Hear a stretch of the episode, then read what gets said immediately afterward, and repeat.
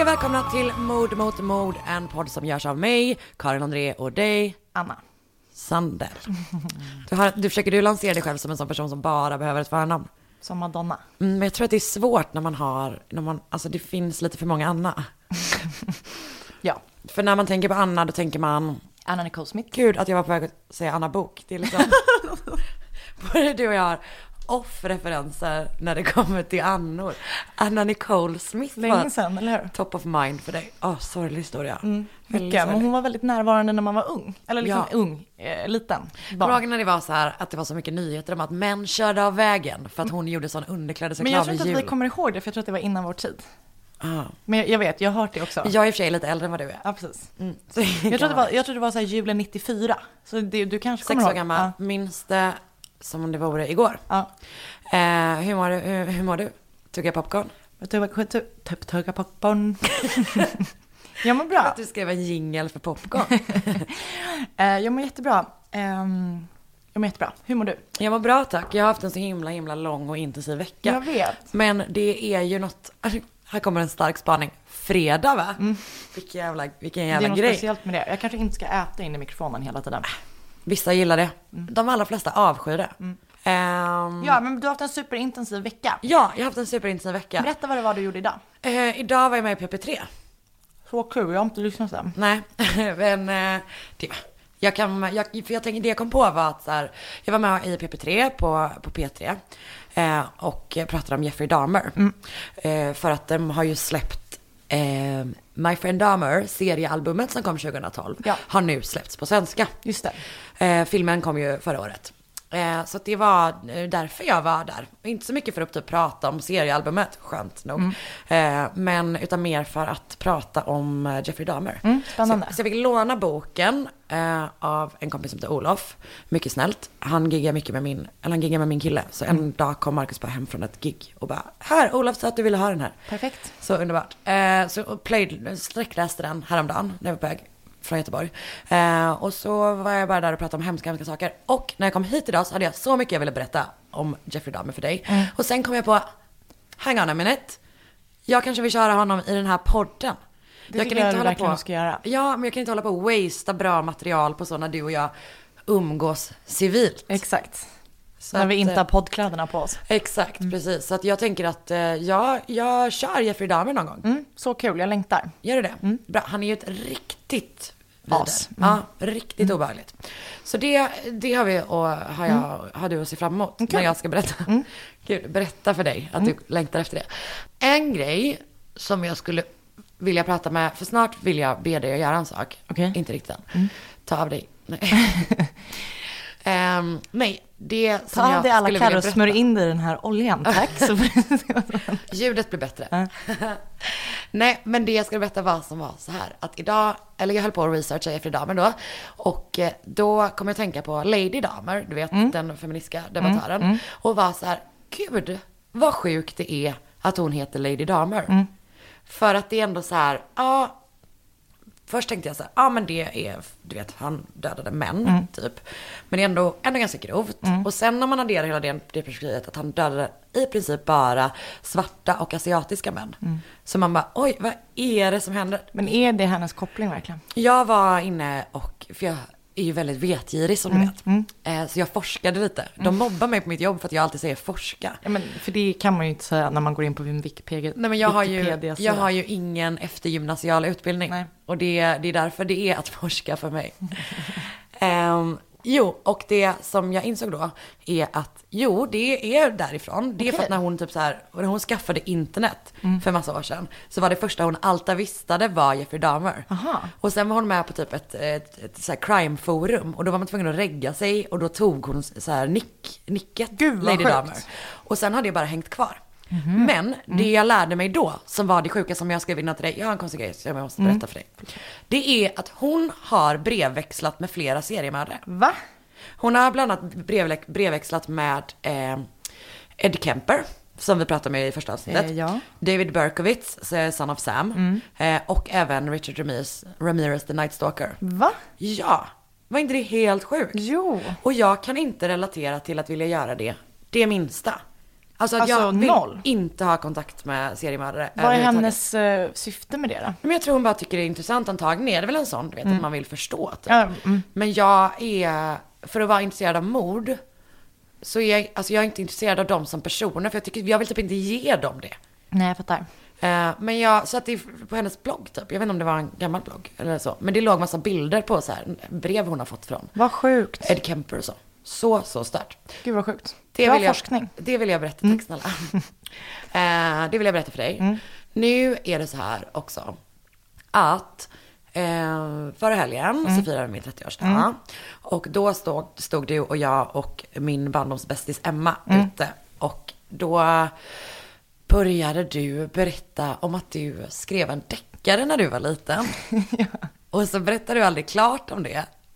Jag vill så gärna höra allt om din deckare. Men alltså jag kommer ihåg, eller kommer ihåg, jag blev chockad i lördags när jag kom på att jag skrev en deckare. Eh, ja, eh, deck, okej jag kanske inte ska liksom... alltså jag var liten, jag läste sjukt mycket Kittyböcker. Ja. Eh, och så hade jag fått en, jag och min syster hade fått en stationär dator. Som jag spelade asmycket ehm, backpacker på. Men då kanske jag, Just inte- men jag var jag, så, så liten var jag inte. Så jag var väl spel 11 det. typ. Det var att man drog runt i världen Ja. och skulle lösa, att man kanske skulle så Söka plocka jobb. frukt. Ja, Mm. fan. Det var skitkul, jag spelade jämt och min bästa karaktär hette Victoria Beckham. Så det här var väl typ, om jag säger att jag var 10 eller 11. Eh, instick, var Victoria Beckham din favorit Spice Girl?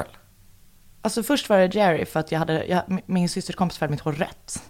Ehm, precis där i början av Spice Girls-eran. Men jag vet inte. Jag, jag, tror, Det jag är en väldigt att- ovanlig Spice Girl att ha som men favorit. jag, jag tror inte att det var, det var inte under tiden hon var Spice Girl. Eller liksom, det var lite efter typ när hon hade träffat David Beckham och de började vara så här. Mm. Hon hade så cool, så spiky frisyr. Exakt. Och de typ var så här lyxiga. Förstår.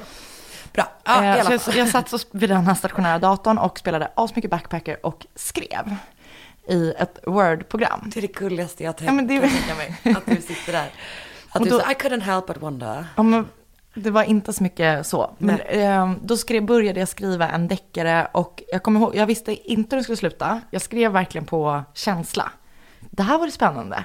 Men plotten var, det var så här, huvudrollen var en snygg, eh, liksom blond tjej. Som heter typ, Anna. Typ i 20-årsåldern. Nej men det, det minns jag inte. Nej. Och de, hon och hennes kompisar hade hyrt ett beachhouse.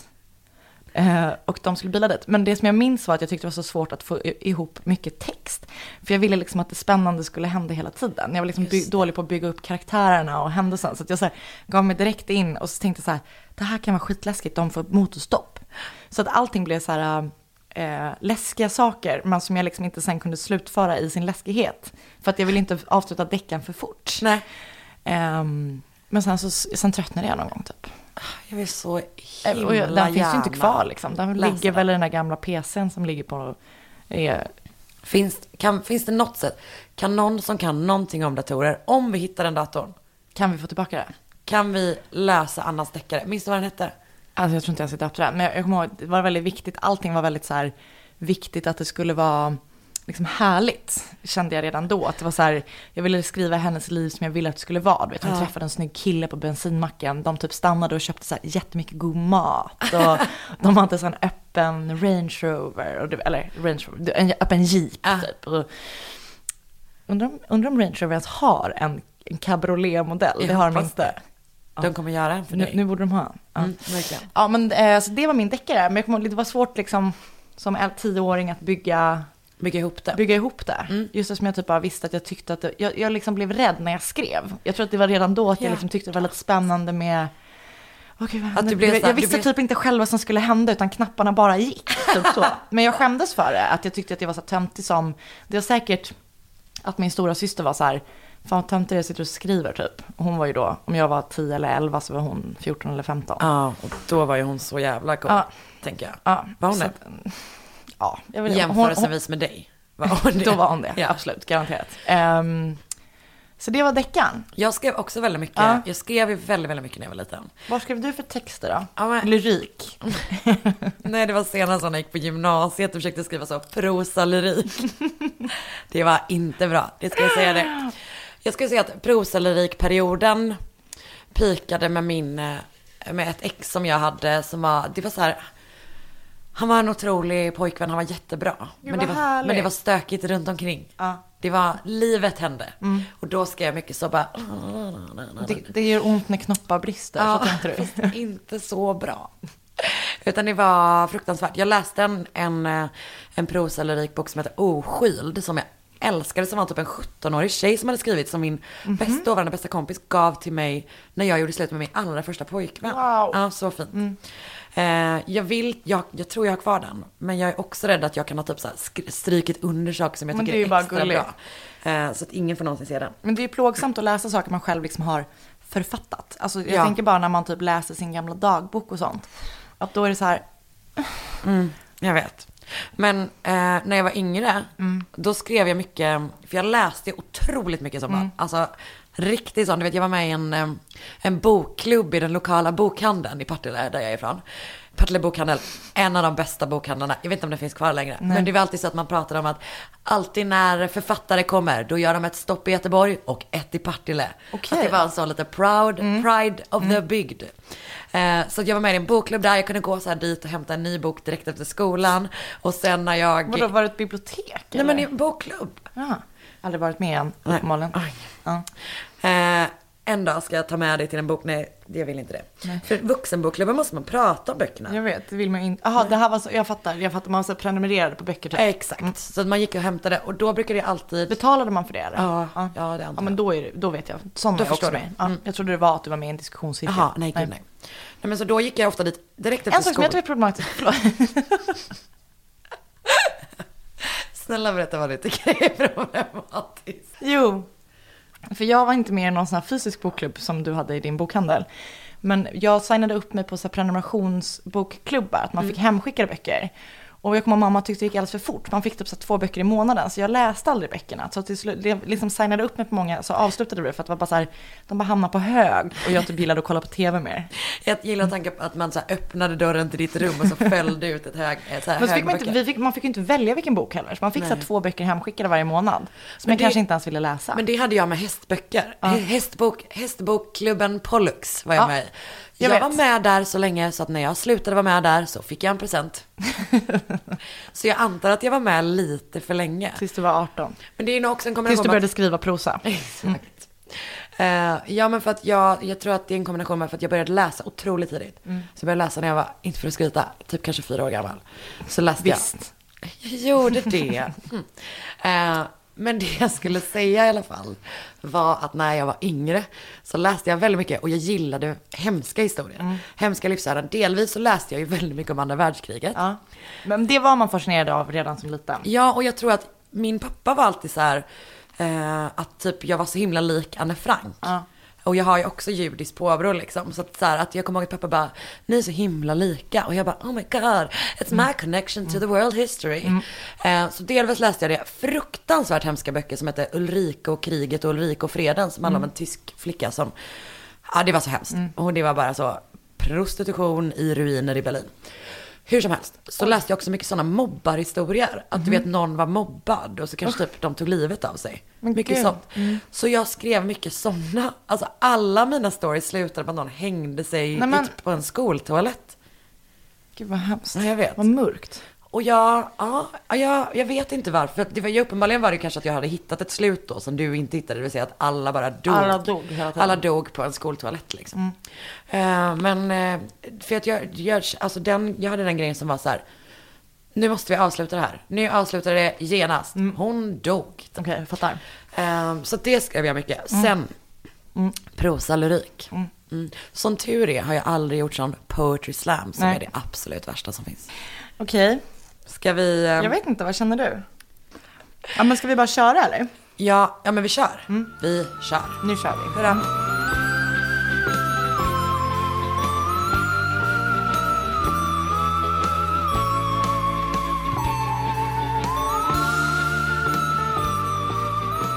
Okej, Karin, är du beredd för vad som komma skall? Jag hoppas det. Då börjar vi. Den 2 mars, Dagen innan min födelsedag. dagen innan din födelsedag, 1955, föds Chizuo Matsumoto i Yatushiro i Japan. Oj, japanskt. Jag ska gå japanskt idag. Chizuru föds in i en stor fattig familj som tillverkar tatami-mattor, vilket är en traditionell matta, japansk matta. Eller egentligen så är det en oböjlig golvenhet som ger värmeisolering på vintern och viss svalka Här på hör sommaren. jag att du har forskat. Um, vid födseln så får um, Chizuru um, infantil glaukom, eller grönstarr. Oj. Eh, vilket leder till, eh, eller det är en ögonsjukdom då, som skadar synnerven. Väldigt roligt när jag forskade på det, så, så först hamnade jag på en sida där jag läste hur mycket som helst, och så bara, den här sidan känns jättekonstig. Och sen så var det liksom en sida från innan de senaste forskningsrönen. Så var det typ såhär, man får skylla sig själv. Nej men det var typ så här, det stod liksom fel grejer. Jo, jag, nu, därför är jag lite osäker. Men det, det skadar synnerven. Ja. Ehm, så Chizuru blev blind på sitt vänstra öga och fick nedsatt hörs... Äh, Men vänta, Nedsagt- synnerven ute i örat. ja. Ja. Han blev blind på sitt vänstra öga och fick nedsatt syn på sitt högra öra. Okej, vi försöker en gång till. Så här var det då. Han fick infantil glaukom, vilket är grönstarr, som är en ögonsjukdom som skadar synnerven. Bra, så långt är jag med. Så Chizuru blev blind på sitt vänstra öga och fick nedsatt syn på sitt högra öga. Yay! Vi klarar det, jag är så stolt över dig. Tack. Eh, Så som barn så blev han satt i en skola för blinda. Eh, Men eftersom han inte var helt blind så utnyttjade han de blinda barnen och eh, var sjukt taskig mot dem. Så han beskrivs som en mobbare där. Och han utnyttjade då det faktum att de var blinda och liksom eh, behövde mer hjälp än han. Och att han då bara var Vad är då typ? Ja men det finns inget, eller det finns säkert, jag har inte hittat några tydliga exempel. Men han liksom, han var, ehm, liksom, ja men du vet, spelade ut dem och drev Bara, med här, dem. trappan börjar här. Ja men typ så kan jag tänka mig. borta. Så han, han, var, han var en erkänd, han var er, liksom en känd mobbare på sin blindskola. Ja. Ehm, det är liksom det man vet eh, så, Om uppväxten. om uppväxten egentligen. Eh, han examen, eh, tog sin examen från skolan 1977. När han alltså då var 22 år gammal. Eh, och började... Du, du gjorde ditt så, jag kan räkna face. Check me out. Ja, Ja, verkligen. ja. Ja. Ehm, och började strax efter utbilda sig inom kinesisk eh, medicin och akupunktur. Och det var också under den här perioden, eller det- det var under den här perioden som han eh, började intressera sig för religion. Olika religiösa läror. Eh, och samtidigt som han studerade olika religioner eller olika texter och sådär, så arbetade han jättehårt för att försörja sin familj. Ehm, men utöver då alla jobben så studerade han också då olika religiösa koncept som eh, kinesisk astrologi och taoism. Och senare även esoterisk yoga, vilket är läran om den dolda kunskapen och är yoga för den eh, upplysta typ. Det verkar vara någon sån här verkligen extrem gren. Det är inte det du får göra på Det söndagar. är inte det jag gör på söndagar. Nej. Det här är mycket mer hardcore. Så det är typ yoga för den invigda och upplysta. Och även buddhism intresserade sig han för. Så det var liksom ett litet ihopkok där. Ehm, 1981 eh, dömdes han för att ha utövat medicin utan licens. Och även sålt olagliga droger. Det är bara en liten passus. Så att där, var han där gjorde han något olag, olagligt. Eh, Den här inställningen eh, som han hade till religion, att han var så intresserad av det, eh, var, eller verkar inte som att den är supertypisk i Japan. Ehm, jag får uppfattningen av att Japan är lite som Sverige, att det finns liksom, att de är religiösa på högtider typ. Men annars så är man inte det. Jag tror det. Ja. Jag är ju ingen forskare på det här. Men du är forskare på grönstarr, man hinner inte med allting. Nej, exakt. Eh, precis. Ehm, Du vet om att det inte är örat, till exempel. Har du lärt dig? Efter många turer så förstod jag att det var en ögonsjukdom och inte någonting, att synnerven egentligen tog sin utgång i örat. Ehm, jo, men uh, Chizuus mål var då, hans mål och hopp var att eh, det japanska folket skulle uppnå den ultimata upplysningen som man då kan liksom härleda till flera forntida religiösa texter i de lärarna han eh, mm. har tagit del av. Vad den eh, ultimata upplysningen är exakt, det vet Nej, jag men... inte. Men det är det han vill. Och han försökte olika varianter, olika religioner för att nå dit. Och han själv joinade olika grupper. Till exempel så var han med i en buddhistisk grupp i början av 80-talet. Där den här gruppen hade som praxis att när man var med så offrade man saker i tusen dagar. Och de som offrade pengar alla dagar, alla de här tusen dagarna, vet osäkert så hur mycket. många dagar? Alltså det är ju då tre år. Tre år. Um, de som offrade pengar alla de här tusen dagarna var lovade den slutgiltiga upplysningen. Ja, det är den typ eh, den tionde grejen som finns i kristendomen typ. Ja. Det är att man ska skänka den tionde till Gud. Just Fast det. man ska skänka de tusen första till Gud. Exakt. Ja. Um, och trots att han var då så här ekonomiskt utmanad som han var, eh, så gjorde han det här. Han offrade pengar i tusen dagar. Men den slutgiltiga upplysningen kom ju då inte efter de här dagarna. Gud, vilken chock. Mm. Man, det här satt jag och väntade på att så här, nu kommer vi få höra en story från den totala upplysningen. Exakt, så sen så, kom, nej, sen så kom han till himlen och sen så var... Har du hört talas om Nirvana? Exakt, han var där. Han var där och nu kommer det här härliga därifrån. Ja. um, men han fortsatte liksom att så här, nitiskt eh, leva på sitt religiösa sätt och liksom, ja, gjorde massa utspel, inspel, vad man säger, mm. med det. Han levde sjukt asketiskt. Han bodde i en etta i Tokyo, en liten, liten etta i Tokyo med hans fru och deras två döttrar. Oj. Och det var även då, han började liksom lära ut yoga. Så då började han eh, få lite följare till sig. Får jag fråga en sak? Ja. Kommer det här vara en historia om en sekt? Maybe. Mm. Eh, så då, han lärde ut yoga och folk började liksom då komma till honom. Mm. Men han tog inte eh, inte betalt för den här yogaträningen som han eh, gjorde, utan eftersom det var motsträvigt med det han hade lärt sig. 1987 bytte Chizu Matsamoto Moto namn till Shoko Asahara. 1987 åkte Asahara, som han nu heter, yeah. till Indien. Och när han kom tillbaka från Indien förklarade han för sina lärlingar, då hans yogalärlingar, att han äntligen hade uppnått sitt mål, den ultimata upplysningen. Hans närmsta följare erbjöd honom pengar som han nu kunde ta emot eftersom han eh, då hade liksom... Han var redan upplyst. Han var redan upplyst. Så, Så han kunde praktiskt. ta emot pengar för att lära ut då. Att han åkte så på semester och sen plötsligt kom han tillbaka och bara, ja, nu kan jag ta alla era cash. Precis. Gud. Så han kunde nu ta emot pengarna, och, men han använde de här pengarna också för att in, äh, arrangera intensiva yogaseminarier. Eh, Det låter så jobbigt. Ja, verkligen. Om det inte är sånt som jag gör, som man bara ligger ner typ. Mm. Ehm, som varade i flera dagar och som lockade jättemånga människor som var nyfikna på det spirituella uppvaknandet. Och han, Asahara, ledde själv alla grupper. Eh, under samma år, 1987, så ansökte Asahara om att registrera en grupp som heter eh, Aum Shinrikuyo. Okay. Jag, jag vill ändå brasklappa här med, för uttal. Att du inte är, eh, eh, Native att du inte är flytande på japanska. Exakt. Det hade man kanske kunnat tro nu när man hört dig uttala några, några saker. Alltså Matsamoto känner jag mig ganska trygg i. den är, ja, den Ja. är tight. Mm. Riktigt tight. Eh, han eh, ansökte om att registrera en grupp under namnet Aum Shinrikuyo. Men myndigheterna var redan från början liksom lite sådär Mm. eh, shaky inställda till det eftersom gruppen var en religiös organisation. Men det var så- här lite grann sekttider också va? Eller Ja. var det kanske lite tidigare? Känns, se- sekt känns så himla 70-tal. Ja, det gör det. Ja. Jonestown och det var ju lite tidigare. Ja, exakt.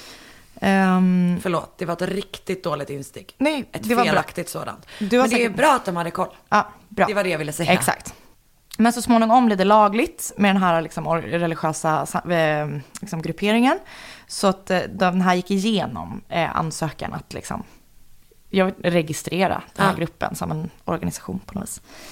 Ehm, och strax efter den hade blivit reggad, eller vad man säger, eh, så skapade Asha, Asahara eh, någon slags klosterlik ordning i, eh, i gruppen. Ehm, och det var jättemånga följare som anslöt och de, liksom upp, de gav bort alla pengar, de levde eh, asketiskt, inga sexuella relationer bland grupp, med gruppmedlemmarna och sådär. Eh, och det var också väldigt många välutbildade och liksom högt stående människor, eller man ska säga, Mm. som anslöt till den här gruppen. Fråga. Mm. Hans familj, är de liksom med? Vet du det? Jag, jag tror det. Ja, okej. Jag tror att de är- antagligen tagit med sig dem liksom. Nej, men för jag, jag, så, jag såg någon, eh, de har varit med i så här intervjuer, så här, då är det Mm. han och en kvinna.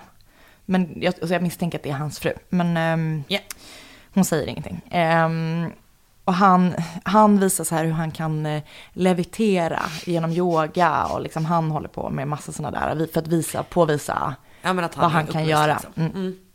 Även typ att hans hjärta kan, du vet, eh, sjunka i eh, hjärtslag men ändå funka och typ man kan sluta andas och sådär. Man bara håll andan. Det är så man slutar andas. Exakt. Ehm, den här läran baseras på buddhistiska sutras, alltså skrifter, ehm, som heter Pali Kanon.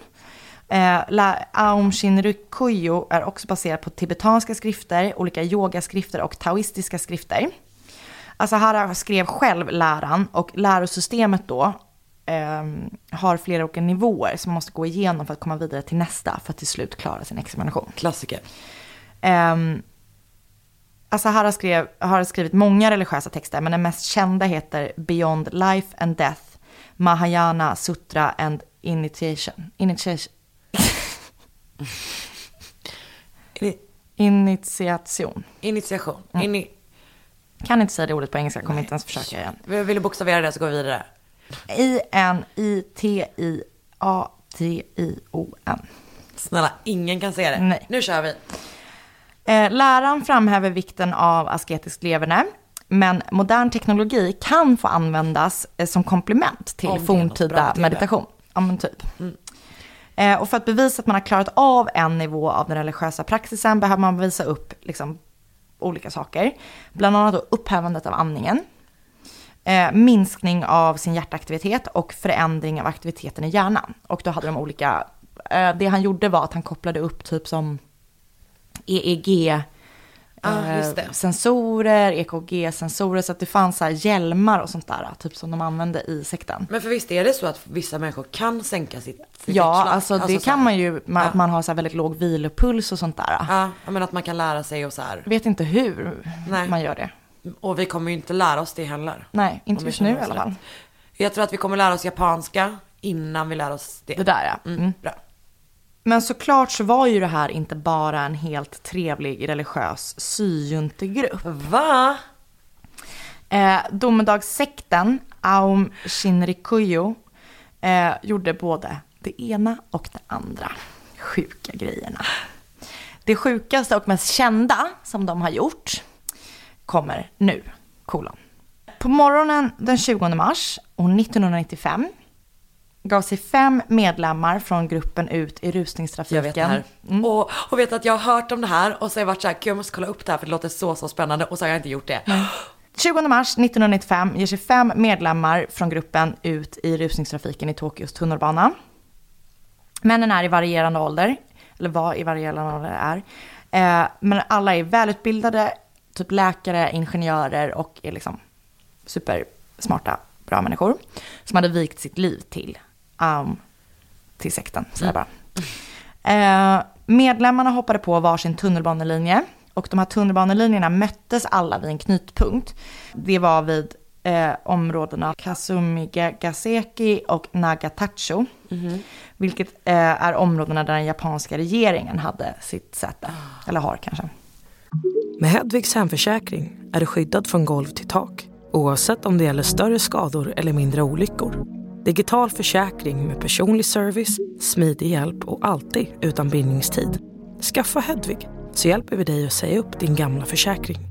Hedvig hemförsäkring, ett klick bort. Aj, aj, aj, det kluckar i rören. Men det är väl inget att bry sig om? Jo, då är det dags för de gröna bilarna. Spolarna behöver göra sitt jobb. Spolarna är lösningen. Ah, hör du? Nej, just det. Det har slutat. Dåliga vibrationer är att gå utan byxor till jobbet. Bra vibrationer är när du inser att mobilen är i bröstfickan. Alla abonnemang för 20 kronor i månaden i fyra månader. Vimla! Mobiloperatören med bra vibrationer. Eh, medlemmarna hade alla paraplyer med sig ombord. Och det här var ju då inte helt vanliga paraplyer, utan i dem så hade de lagt eh, små eh, glasflaskor. Och de här glasflaskorna innehöll den dödliga gasen sarin. Och sarin är då en lättflyktig gas som upptäcktes eh, precis innan andra världskrigets utbrott i Tyskland 1938. Och att den är lättflyktig betyder att den snabbt förångas, vilket betyder att man kunde använda den i en attack och sen kan då de som belägrar det Ah, komma dit. komma dit ganska snabbt, för den liksom förångas fort. Eh, sarin är också relativt billigt och lätt att tillverka, vilket har gjort att det har varit liksom en go-to-vapen. För så kemisk krigsföring. Exakt, för, framförallt i, C, liksom i, i fattiga länder. Eh, men på en given signal så frigjorde eh, sektmedlemmarna sina sarinkapslar. Så de kommer med varsin tunnelbana, de går av på samma ställe? Nej, de på tågen På tågen, okej. eh, släpper de sina sarinkapslar. Ah. Eh, och tydligen så hade några av de här fem, två av dem, hade andra tankar. Och du vet bara, jag kan inte göra det. Men sen så bara blev eh, övertygelsen för stark. Eh, så att alla släppte sina kapslar och kr- krossade dem med paraplyerna. Och själva eh, går av tunnelbanan och ger sig upp och blir hämtade av varsin chaufför som också är sektmedlem. Så sektmedlemmar. de dör inte? Nej. Eh, och i bilen så har de även med sig något motgift. Jag vet inte vad det är för gift. Eh, för det var någon som blev lite, lite påverkad. I attacken så dog det mellan 11 och 13 personer. Det är olika rön i olika artiklar. Eh, och mer än 5 000 personer skadades. Skador som ehm, Vänta, 5000 pers? Ja. Akut sarinförgiftning yttrar sig genom smärtor i ögonen, synbortfall, illamående och kräkningar, i huvudvärk, andnöd med mera. Och den, ehm, en sarinförgiftning är mycket dödlig om den liksom blir för intensiv. Eh, så det dog mellan 11 och 13 personer eh, och mer än 5 000 personer blev skadade. Men man tror att följderna hade kunnat bli ännu värre. Eh, för det påstås att alla kapslar inte gick sönder, utan att man säger att det var 7 av 10 som gick sönder. Ehm, och att man tror att gasen inte var tillräckligt renad innan dåden. Och att den hade en stark lukt. Så att folk kände att det luktade och liksom gav sig iväg. Ehm, polisen hittar, jag vet inte exakt hur man gör den här kopplingen, för de tar inte på sig dådet eller någonting. Ehm, men de hittar ordentligt med bevis för att anklaga sekten för det här dådet. Och vilket eh, leder till att de då kan göra en, rannsakan i deras, ehm, jag ut faciliteter, för jag kom, Men deras lokaler? Ja. Eller där, där de är? Exakt. Ehm, där de hittar bevis och en häktningsorder utfärdas på, till på Shoko Asahara. Och han hittas när han häktas i ett litet, litet isolerat rum och där han sitter och mediterar. Gud freak. vilken större kille. Ja, han ser riktigt punchable ut också. Han har så här äckligt skägg och typ långt hår. Um, Shoko Asahara ställdes inför 27 mordanklagelser i så många som 13 separata åtal. 27? För att de har begått andra skit, andra skit med? Ja, för det har jag inte pratat om här, men de har tidigare gjort en annan saringasattack och lite andra skit. Men det var några av de här som eh, släpptes. Eh, Så att han döms inte för allt. Åtalet hävdar att han gav orden om attacken i tunnelbanan med uppsåt att störta regeringen för att utse sig själv till kejsare av Japan. Ja. Eh, en annan teori var att attacken utfördes för att föra bort polisens uppmärksamhet från sekten. Att de hade liksom börjat intressera sig för mycket för sekten. Men så då gud. gör man en terrorattack typ för att så här. Så otroligt dålig planering. Verkligen. Alltså upplyst men inte så jävla smart. Nej, verkligen.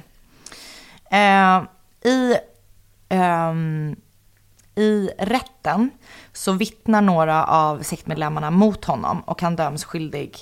Nu har jag bytt siffror här. Eh, så han döms skyldig till en del av åtalen. Eh, han dömdes till döden år 2004 genom hängning. Oj. Eh, men hans förs- Grovt ha hängning. Ja, verkligen. 2004. Det är verkligen som, det är bara ett steg från giljotin. Jag vet, nej men det är så grovt. Lugna sig. Eh, hans försvar hävdade att han var mentally unfit och att därför liksom bestred de dödsdomen. Ehm, så han blev satt under psykiatrisk undersökning. Under undersökningen så pratade han inte någonting. Men, Gud vilken störig person. Jag blir tokig. men han kommunicerade, han pratade liksom med andra anstaltspersonal under tiden, men inte i själva undersökningarna. Så att, ehm, Det gick inte att göra någonting med. nej, nej, men han, ble, han blev dömd, eller liksom det, resultatet av undersökningen blev att han inte är mentally Nej. unfit. Bra. Ehm, men det har fortfarande inte hänt någonting med hans avrättning. För 2012 sköt man på hans dom, liksom. Eller man säger. Eh, för att man har arresterat flera av sektmedlemmarna och skulle påbörja något åtal mot Oj. dem. För att inledde man inget avtal mot åtal mot dem som ju utförde attacken då? Det tror jag. Jag har inte läst om dem. Ja, men det, det måste man ju ha gjort. Ja. För alla dem överlevde. Okej, så han lever. Mm. För att man inte, för att man eventuellt kanske man vill att han ska vittna eller någonting då. Någonting sånt är det Mm. ju. Eh, Men det är väldigt tydligt att han är mastermind bakom liksom, hela gruppen och sådär. Åh gud. Så det var lite verkligen komprimerat. För det finns, jag vill verkligen, Ja, det finns så himla det finns så mycket. sjukt mycket. Ja, har du hittat någon bra dokumentär? Jag såg en, det finns jättemycket klipp på japanska på YouTube. Så jag har kollat på alla dem. Kul. Nej, men jag hittade du är verkligen en- så dedikerad din uppgift. Ja. Jag gillar det. Jag hittade en som jag såg som var liksom om själva morgonen bara. Och den är lite så här reenactment, lite töntig men ändå ganska spännande. För att där är det då man så här, får följa dem har ångest och du vet så här. Ehm, så den var ganska bra. Men, Men jag undrar hur stor del av när man typ begår en, liksom utför en självmordsattack. Hur stor del att man faktiskt gör det. Eh, tror du är för att man inte typ ska komma tillbaka och bara hallå killar jag klarar det inte. alltså, du vad jag verkligen, menar? Jag tror att det är verkligen. skit. Men det här var inte menat att vara en självmordsattack. Nej just det. Nej men att de gjorde det alls ja. Ja. Eh, alltså jag menar att de... Jag tänker att man typ lika gärna hade kunnat låtsas så här, fan jag släppte ut dem men de blev inte... blev ingenting. Nej. Men det, Så har jag gjort. eller så här, det är ju liksom hela den, ja, att man är ju hjärntvättad. Typ. Alltså gud ja. Är man med i en sån sekt från början så gör man väl det. Tänker jag. Men alltså han låter så jävla störig. Alltså du vet, Men jag vill verkligen säga att så här, det här tycker jag verkligen är någonting som man kan verkligen ta sig tid att typ kolla, Kolla. lite på. För att eh, det jag berättar nu var verkligen inte allt. Och det finns supermycket, de har till exempel då, han, för han var ehm, inblandad i någon, något så här eh, åtal. Ehm, eller han var anklagad för någonting. Och då har de alltså gjort en saringasattack mot någons hem typ. men gud. Så han har liksom varit, använt saringas förut och gjort massa sjuka grejer men man, man har uppenbarligen inte kunnat bevisa det. Så Ah. det finns jätte, jätte, jättemycket som är jättespännande kring det här. Vet du hur många följare hade den som var som störst liksom? Kommer inte ihåg. Men det var ändå många. Ja, det var många. Ja. Och då just att det är så här, för då kanske lite små, liksom småtänkt av mig, så tänker man att folk som ansluter till en släkt, ja, även det. till en sekt är kanske folk som har du vet, svårt eller man letar efter någonting större. Men det här var verkligen du vet, så här, bara läkare, eh, det är det yrket nu jag kommer på där man är smart. För jag, Eh, men för jag hade även, man kan vara smart även om man inte har sådana jobb. absolut. Men det är för jag tänker är så här, alltså. Jag kan förstå om man går med i en sekt om man är, du vet att man bara är så här, man är säljare och svinframgångsrik och eller typ är på så Wall Street för man börjar leta efter något djupare. Men jag menar är du läkare så är det så här, du räddar liv. Ja. Jag kan berätta lite mer spännande, bara siffror. Att de, eh, de hittade råvaror eh, som, alltså så här står det. Se- sekten förfogade över så mycket råvaror att de kunde ha framställt sarin nog att döda fyra miljoner människor. Det var ehm, totalt 189 medlemmar som ställdes inför rätta inför för Oj! brottet. Mm. Men gud. Alltså som ställdes inför rätta för de här brotten. Ja. Åh helvete. Så jävla sjukt. Den här organisationen finns fortfarande kvar, men går under namnet, eh, eller organisationen, sekten, Aleph heter den. Och nu har de en mer tillbakadragen profil. Och de har idag, eller det- 2011 rapporterades att de hade 1300 följare. What? Mm. Man bara, blir, ni blir inte avskräckta av den skiten Nej. som hände i tunnelbanan? Nej. Så Åh, det är så sjukt. Vad tror du det skulle krävas för att du skulle gå med i en sekt? jävligt mycket pengar typ. Bara att jag startar va? Ja, exakt. Jag tror att du är mycket mer likely att starta en sekt. Tror du? Eller? Ja, kanske. Av oss två. Eller jag tror att du, ja exakt. Jo, men det tror jag, nog Jag också. tror att du är, hade varit bättre på det typ. Nu står det, det här är så jävla sjukt. i alla artiklar jag läser står det att den bildades 1987. Nu hittar jag någon annanstans att det står 1984 grundades den. Så att jag menar, all min fakta får ni ju ta med en nypa salt som vanligt. jo, men och det behöver inte betyda för att det står fel i en artikel utan bara i allmänhet. Ta all vår fakta med typ Absolut. två nävar salt Ja, absolut. Nej men jag funderar på det där, alltså delvis funderar jag på vad som skulle typ krävas för att jag sk- skulle gå med i en sekt. Och det, jag gillar ju en god masspsykos, alltså typ kanske så här, när det är att man hejar på någonting. Mm, jag fattar vad du menar. Men det är ganska långt bort Mm. ifrån och så här, nu ska jag dö typ. Ja, för det är det. För du lyssnade väl också på Heaven's Gate, den podden som kom? eh, Nej. Nej. Okej, så bra. Ja, man är väldigt, jag är ändå väldigt fascinerad av sekter. det Mm, jag måste med. jag, får jag lov att säga. Men den Jonestown... eh, Ja, alltså. Mm, Det är en mörk historia som gjorde en Jonestown-serie också va? Jag tänker på den... Case file. Ja. Nu äter du mycket. Förlåt. Alltså, jag har ingenting emot det, för jag hör inte. Nej. Eh, men, ehm, ja, Jonestown är ju, men där blev ju folk, där kändes det som att folk mer var tvingade. Mm. Alltså du vet, där krävde de ju att folk skulle så drink the Kool-Aid, som ju inte var Kool-Aid, som alla vet. Eh, Ja, nej men jag tänker hur man ens går med det från början. Ja. Men där är det ju för att man tänker att man får det bättre. Exakt, man är en sökande person och typ behöver hitta, och det jag menar så är ju religion Så- i allmänhet. Att man är så här. Is this it? Ja, alltså verkligen. den grejen, är det här allting som är? Och så börjar man leta sig vidare. Det har jag all förståelse för. Det är ju inte för inte som vi brukar säga att religion är opium för folket. Nej, jag menar det. Mm. Men, Ja, eh, men det är väldigt spännande. ja, det är sekter, det är superintressant. Mm, du, jag är så himla himla glad att du tog det här. Ja, men läs mer, som sagt, för jag att få all rätt fakta och sådär. Jag visste inte ens att det var en sekt som låg bakom. Jo. Jag trodde att det var liksom en så, du vet, mer politisk aktion. Eller det var det ju i och för sig om han ville bli kejsare. Ja. Eh, men gud, nu kommer jag ihåg att han var blind. ja. Alltså Fan, inte helblind. Jag Men tänker typ att, det, att, det, att han använder det som en sån Så mycket. selling point. så hur blind är du egentligen, ja, tänker jag. det, ja, ja, absolut. Ditt inre öga, köta. Ja. Gud ja. Ja, han Men som sagt, det finns väldigt mycket mera att ta del av där. Gud vad härligt. Mm. Jätte, jättetack. Varsågod. Så Nu är jag spänd, spänd på dig. Ja, där har vi också fakta att ta med två nävar Mm. salt. Men först kanske vi ska kolla till våran bœuf bourguignon. Ja, det ska vi. Som vi har på spisen.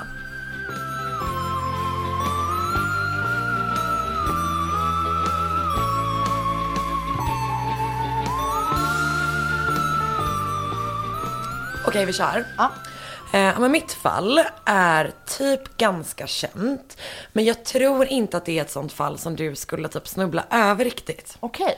Eh, det handlar väl på ett sätt om, alltså utöver att det handlar om typ gruppdynamik en del. Ja.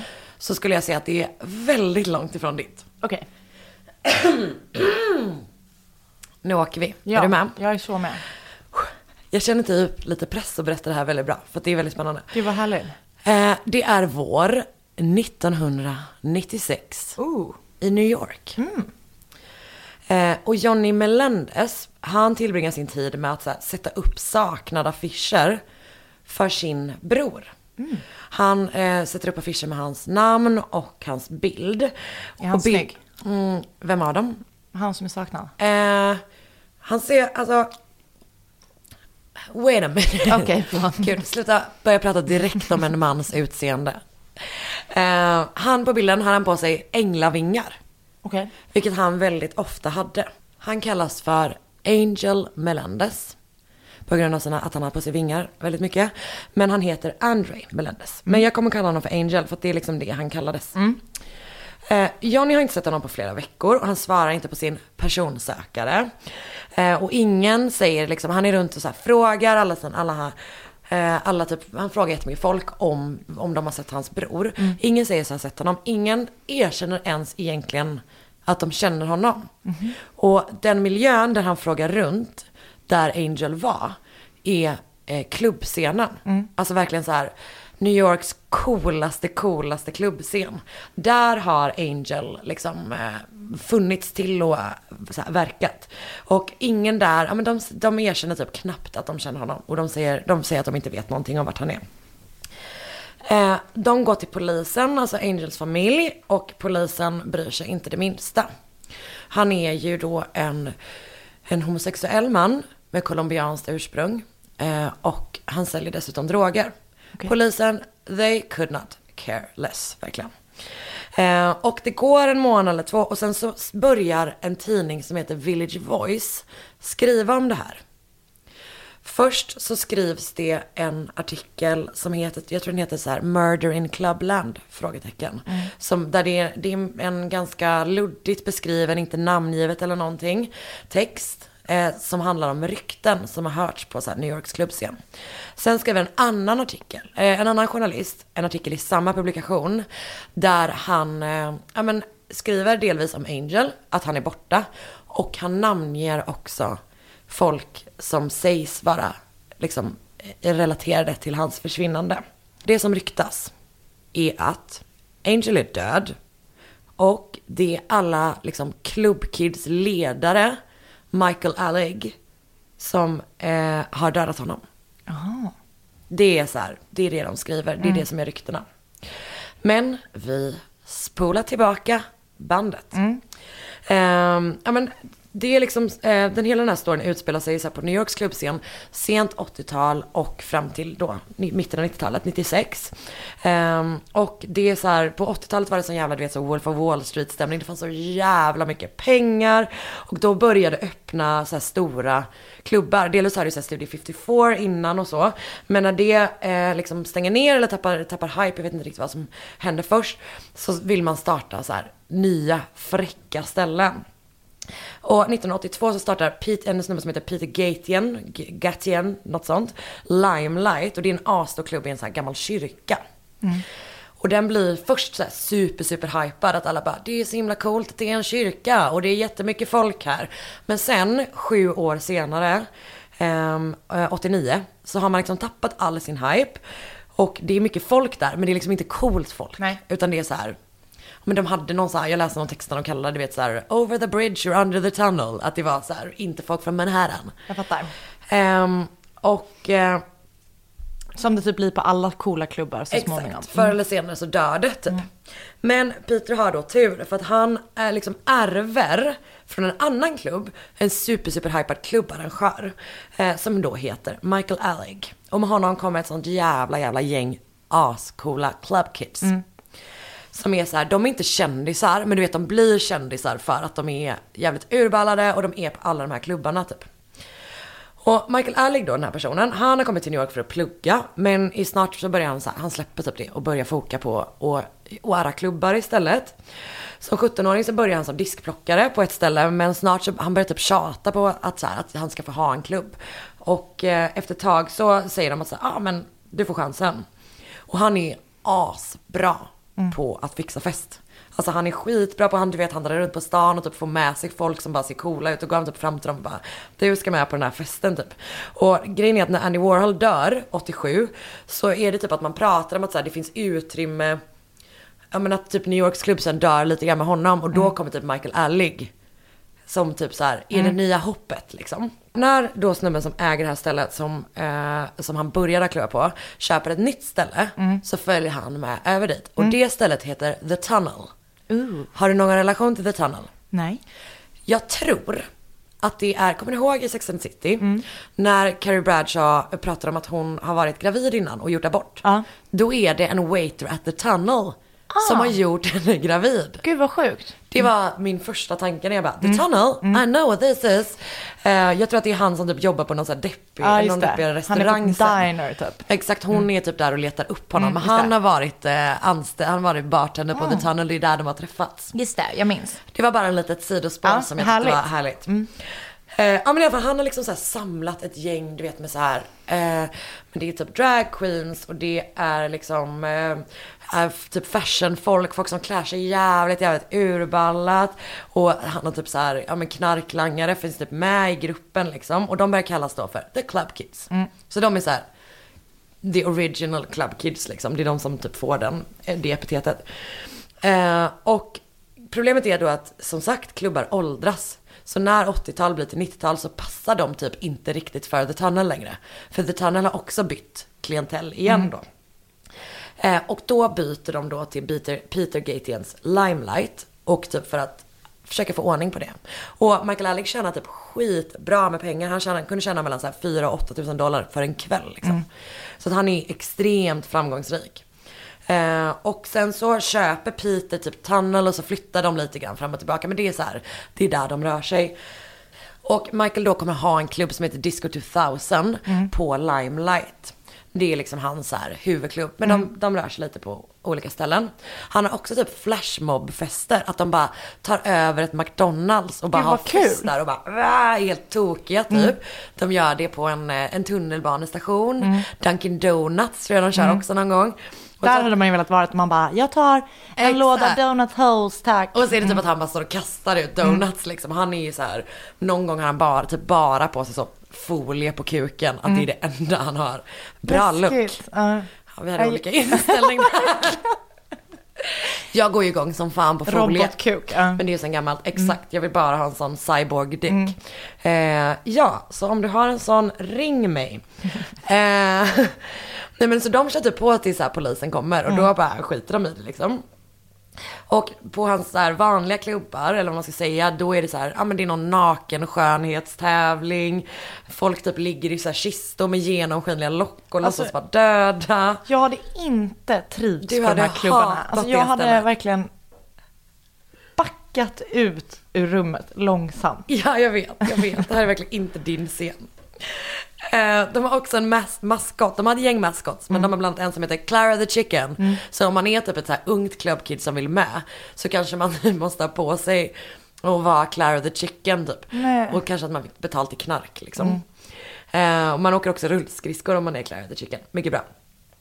Men eh, och under, de här, under de sex åren som han kommer köra den här klubben, från 90 till 96, så blir det liksom bara mer och mer urballat. Typ. Under en period så har de ett rum som de kallar emergency room. Där, dit man kan gå in och sen är det han och hans kompis, roommate och knarklangare Robert Freeze Riggs. Eh, som ger vad de tycker att man behöver. Det vill säga sprit, knark, alltså vad som helst. Typ. Ehm, och han är så här, Michael är mittpunkten i hela den här scenen som bara är helt galen liksom. Han är den som alla är, vill vara med. Så. Eh, och eh, han är sjukt charmig och folk tycker jättemycket om honom. Trots att han har en grej där han gillar att kissa på folk och även kissa i folks drinkar. Så det är den lilla detaljen. Men folk tycker han är kanon.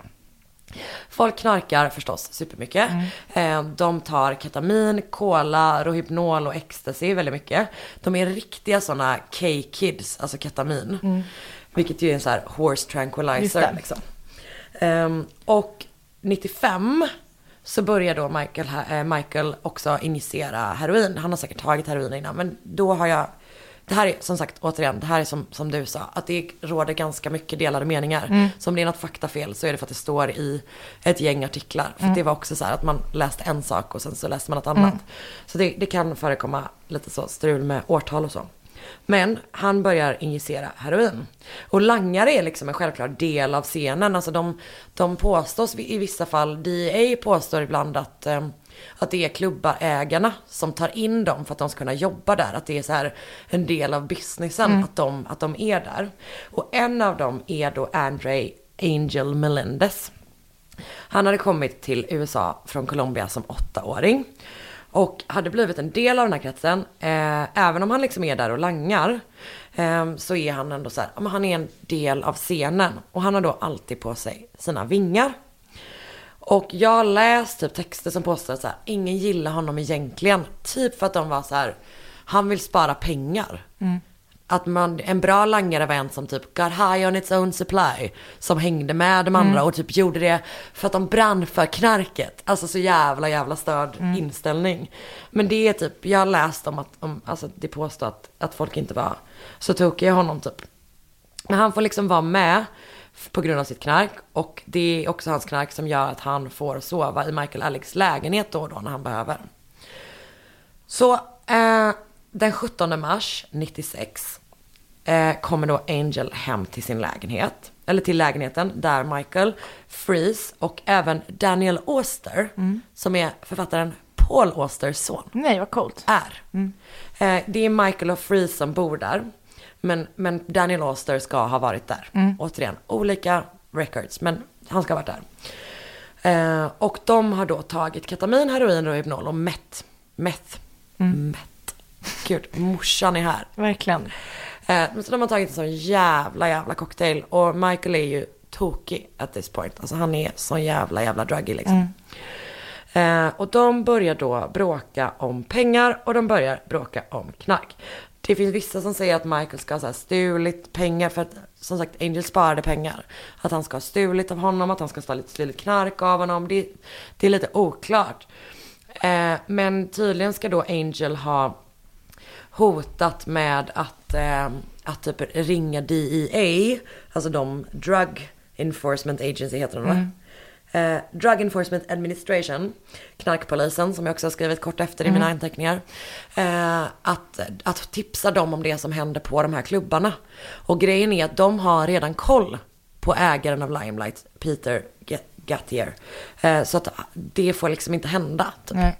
Och han, Peter hade typ sagt till Michael Alec bara, du vet så här, inga överdoser, inga självmord, så är vi lugna typ. Alltså verkligen så. Så att det blir ju då en, eh, en väldigt toxic situation där Michael och Angel börjar slåss.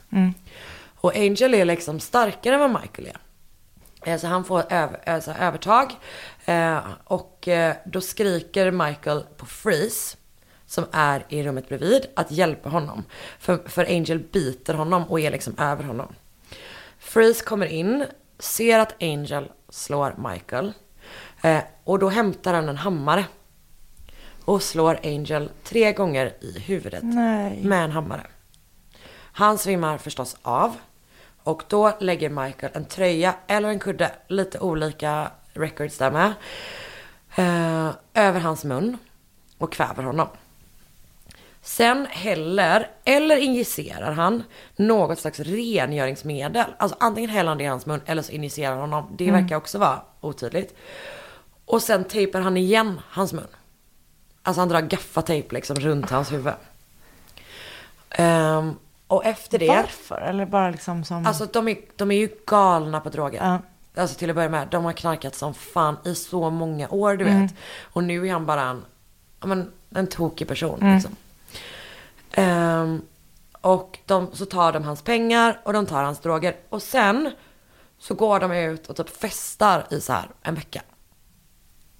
Eh, Michael, för Michael Freeze vet liksom inte vad de ska göra för de kan ju inte ringa polisen för det är så himla mycket knark i lägenheten. Eh, och Peter har då sagt att så här, ja polisen är redan på mig så watch it typ. Så de börjar ringa folk, alltså sina kompisar och bara hej vi har dödat Angel, vad ska vi göra? Och de bara, du vet vissa säger väl så här, gå till polisen men de flesta säger så här, ni måste göra, göra er av med kroppen. Men gud. Eh, och ingen vill liksom hjälpa dem. För en gångs skull så är det ingen som vill hjälpa Michael. Så att som sagt, eh, de lägger kroppen i badkaret i deras lägenhet och sen går de ut. Och sen ligger kroppen kvar där i fem till sju dagar. De vet Jävlar. inte själva liksom. Ehm, och delvis är ju det problematiskt för att de typ så här inte kan duscha. Nej. För där ligger det en person liksom. Men också typ att det, det börjar lukta förstås. Och till slut så blir det för jobbigt. Eh, för inte nu, alltså Michael går ju runt och berättar det här för alla. Det är så sjukt. Jag vet, det är något så jävligt konstigt. Och att alla är så himla, du vet, idoldyrkan av honom. Att ingen gör något. Och det är som att de har noll respekt för den här stackars personen som har blivit mördad. Utan de bryr sig bara om, ja men du vet, och vissa tror att han ljuger också. Att han liksom bara koketterar för att han är, var ju en överdriven person liksom. Men till slut då så eh, köper de eh, knivar och typ en så här köttyxa. Jag vet. Och sen ehm, så tar, går de igenom typ 10 påsar heroin. Det säger mig ingenting, det, det måttet. Men, Nej, men jag jag- gissar att det är jättemycket. Ja, ja, alltså jag har ju heller aldrig köpt heroin. Eh, och framförallt inte i New York 96. Men jag antar också att det är väldigt mycket. När han då har gått igenom de påsarna så skär han av Angels båda ben. Och sen så dumpar, lägger de det i väskor och så kastar de det i The Hudson River. Nej. Jo. Resten av kroppen lägger de i en kartong som någon har köpt så till en TV. Och också att jag bara direkt, jag bara, men gud, hur fick den plats där? Sen kom jag på, just det. Det- var så såg TVs det var, ut exakt, förr. Det var Mm. tjocka TVs. så, men de, de eh, eh, lägger då hans, ja men överkropp och så i, i, i den lådan. Och så bär de ner den till gatan och då råkar typ en taxi stå där. Så att de åker iväg. De, taxichauffören hjälper dem att bära in lådan liksom. Och sen så slänger de också den i floden. Ehm, och till, som sagt, till en början så är det typ som att folk inte riktigt märker att Angel är borta. Vilket är så himla himla sorgligt. sorgligt. Ja. Ingen är speciellt nära honom. Och eh, det är liksom inte som att polisen bryr, sig särskilt mycket så det är inga problem så. Men när då de här klubbkidsen ändå börjar fråga så är det ingen som riktigt köper Michael och Free story som är att här, ja men han har dragit från stan. Nej. De bara, han har säkert åkt tillbaka till Colombia. Det är typ det som är deras här point of view. Eh, och sen så börjar det då spridas rykten. Och det är ju Michael som är källan till de ryktena. För att han berättar för alla vad han har gjort. Ehm, och någon har sagt att typ så här 20 personer visste redan innan de gjorde sig av med kroppen vad som hade hänt. En gång så kommer Michael på riktigt till sin klubb med guilty skrivet i, få, i, i pannan. Men gud, Alltså han försöker inte dölja det, Nej. det minsta. vad sjukt. Och jag tänker att det delvis säger någonting om så här hur fuckad han var. Att han var galen, men också om hans position. För som sagt, ingen går till polisen. Nej. Men eh, någon månad efter mordet så får Michael sparken av Peter då, eh, den här klubbägaren. Och förlorar också sin lägenhet. Och då bestämmer han sig för att lämna stan med sin kompis Gitzy. Först åker han till sin mamma och sen åker han till något ex. Och så får han metadon för sitt heroinmissbruk. Ehm, och sen hälsar, i Chicago hälsar han på sin kompis Screaming Rachel. Och hon har skrivit en pretty amazing låt om det här. Som jag på något sätt skulle vilja att vi spelade upp. The tabloids sold out Michael, and Angel disappeared without a sight. Everybody's talking. Okej, det där var amazing. Visst var det bra? Det är Screaming Rachel. Det är Burgos Boys Club featuring Screaming Rachel Murdering Clubland. Jävlar. Jag kan verkligen, verkligen rekommendera den. är otrolig. Riktigt, riktigt bra. Den låter väldigt bra. Och att det är så här att den loopar baklänges så här. Michael, where is Angel? Att den är så, jag gillar den för att den är så hands-on på ett så sätt. Eh, Okej, men han är, han, de är åker och hälsar på hon, eh, här Screaming Rachel och där bryter de sig också in i typ en veterinärklinik och stjäl ketamin typ. Men han är borta några månader och kommer hem igen i juni. Och då har då den här Village Voice-artikeln publicerats. Ja. Och de har Angels ansikte på liksom tidningens framsida. Så nu är det liksom inte bara klubbscenen som vet om vad som har hänt eller vad som sägs att det har hänt. Utan det är, eh, alltså den storyn har fått mycket bredare genomslag. Det blir superstort. Det blir en sån jävla snackis. Jag tänker att du vet mitt i sommaren, det är säkert så här nyhetstorka också. Att man drar upp det ännu större då. Plus att det är assnaskigt. Ja, verkligen. Ehm, och de, alltså de både, både Freeze och Michael spelar liksom med väldigt mycket i den här mediecirkusen på ett riktigt vidrigt sätt. De gör jättemycket intervjuer. De typ skämtar jättemycket. De säger olika saker i alla olika intervjuer. Eh, och typ vissa gånger säger de att de har gjort det. Någon gång är det att Freeze bara säger whatever Michael said is true typ. Eh, så att de, ja, det är liksom jättemär, det är en väldigt märklig Gud vad situation. sjukt. Ja. Ehm, och, men ingen av dem har ju ännu förhörts av polisen. Och det är för att, sägs det, för att Michael, för narkotikapolisen hoppas att Michael ska vittna, vittna mot sin chef. Aha. Så de låter typ honom vara. Men gud. För att de hoppas att han ska vittna mot Peter. Som sagt, det här är ju också väldigt så hör, hörsägen. Men det är det som sägs liksom. Men så i september 96 så hittar en hemlös kvinna som fiskar en kropp. Och den har legat i vattnet i runt sex månader. Och efter att man tittat på den döda mannens tänder så inser man att det är inte Angel Melendez. Men rapporteringen om det fallet får typ en så här, en, eh, en, en, en polis på Staten Island och var så här, vänta lite nu, vi har en kropp här som vi inte har identifierat. Och de kollar upp det och efter några månader med hjälp av sån tandidentitet liksom. Heter det så? Ja, skitsamma. Eh, så inser de då att det är Angel Men gud. Och snart då så grips Michael Alec på ett, hotell, eh, på ett motellrum i New, York, New, New Jersey. Och sen tar de också in Freeze. I oktober 97 så erkänner de båda sig skyldiga till dråp. För att de säger då att han attackerade Ja, till självförsvar. Och döms till 10-20 års fängelse. 98, alltså året efter, så kommer dokumentären som har gjort det här fallet eh, väldigt känt. Party Monster, the Shockumentary. Oh. Som finns på YouTube om man vill kolla på den. Och den blir väldigt stor, den går på så filmfestivaler och sånt liksom. Och den är ju gjord väldigt nära inpå. Mm, verkligen. Så att de intervjuar Michael, de intervjuar hans mamma, de intervjuar hon den här kvinnan som är med honom på den här roadtrippen. Så det är så här, det är väldigt spännande. färskt Ja. liksom. Ehm, och 2003 så spelas Michael Alec av Macaulay Culkin i Nej. en spelfilm med samma namn. Gud vad roligt. Det är på något sätt så givet att det är Ja, Macaulay Culkin. ja. Eh, Det är också den också. perioden. Ja. Ehm, och Robert Freeze Riggs då, han släpps 2010 och en av överenskommelserna med frigivningen var att han inte fick ha någon som helst kontakt med Michael Alec. Nej. Man vet väldigt lite om vad som har hänt med honom, men det som jag vet är att han började plugga på NYU Mhm. och att han senare har forskat på så mass incarceration. Mm. Så det verkar ha gått väldigt, väldigt bra för honom. Ehm, Michael nekas villkorlig frigivning både 2006 och 2008 på grund av att han är, eh, alltså att de hittar heroin i hans blod. Ehm, och 20, Hur sen fan 20, går det till Nej, jag vet. fängelse? Det är så Mm. sjukt. Eh, men det måste ju vara en superstor marknad tänker jag. Säkert, alltså säkert. Ehm, men och han, sen 2009 säger han då att han har varit ren. Ehm, 2014 släpps han. Och direkt utanför fängelset så gör han sin första intervju med New York Times. Och det är också två dokumentärfilmsteam som är med. Alltså, som möter honom direkt liksom.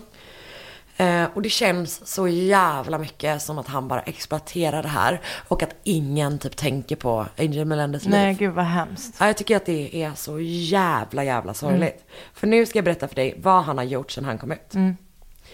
Han, först sa han att han ville göra en realityserie. Det har han inte gjort, vad jag vet. Men han har ställt ut tavlor. Han har försökt sälja sina memoarer. Han gör en daglig YouTube talkshow med Ernie Glam, som också var en, talk, eh, en clubkid. De har alltså gjort 450 avsnitt. Jävlar. Det går fortfarande. Det är typ ingen som kollar. Nej. Det var typ tusen pers på ett avsnitt som jag kollade på liksom. Där de bara sitter och tjötar. Det heter Pew. Men gud.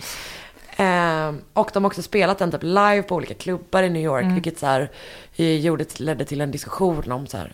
För att det är också den grejen, ah, han har avtjänat sitt straff. Så vi måste Mm. Ja, börja förlåta Ja. folk. Men samtidigt typ, är det verkligen okej att vi går tillbaka till att tycka att han bara är en fräck person. Mm. När han faktiskt, jo, alltså begick det här mordet Mm. liksom. Eh, han har också släppt en låt med sitt ex från Club Kid-tiden, DJ Kyoki. Som är pretty cool. Den heter What's In. Wow. Han säljer konst och lite annat bös i en webb, webbshop. Och så har han skådespelat lite. Och jag läser någonstans att han också tänker börja göra kläder.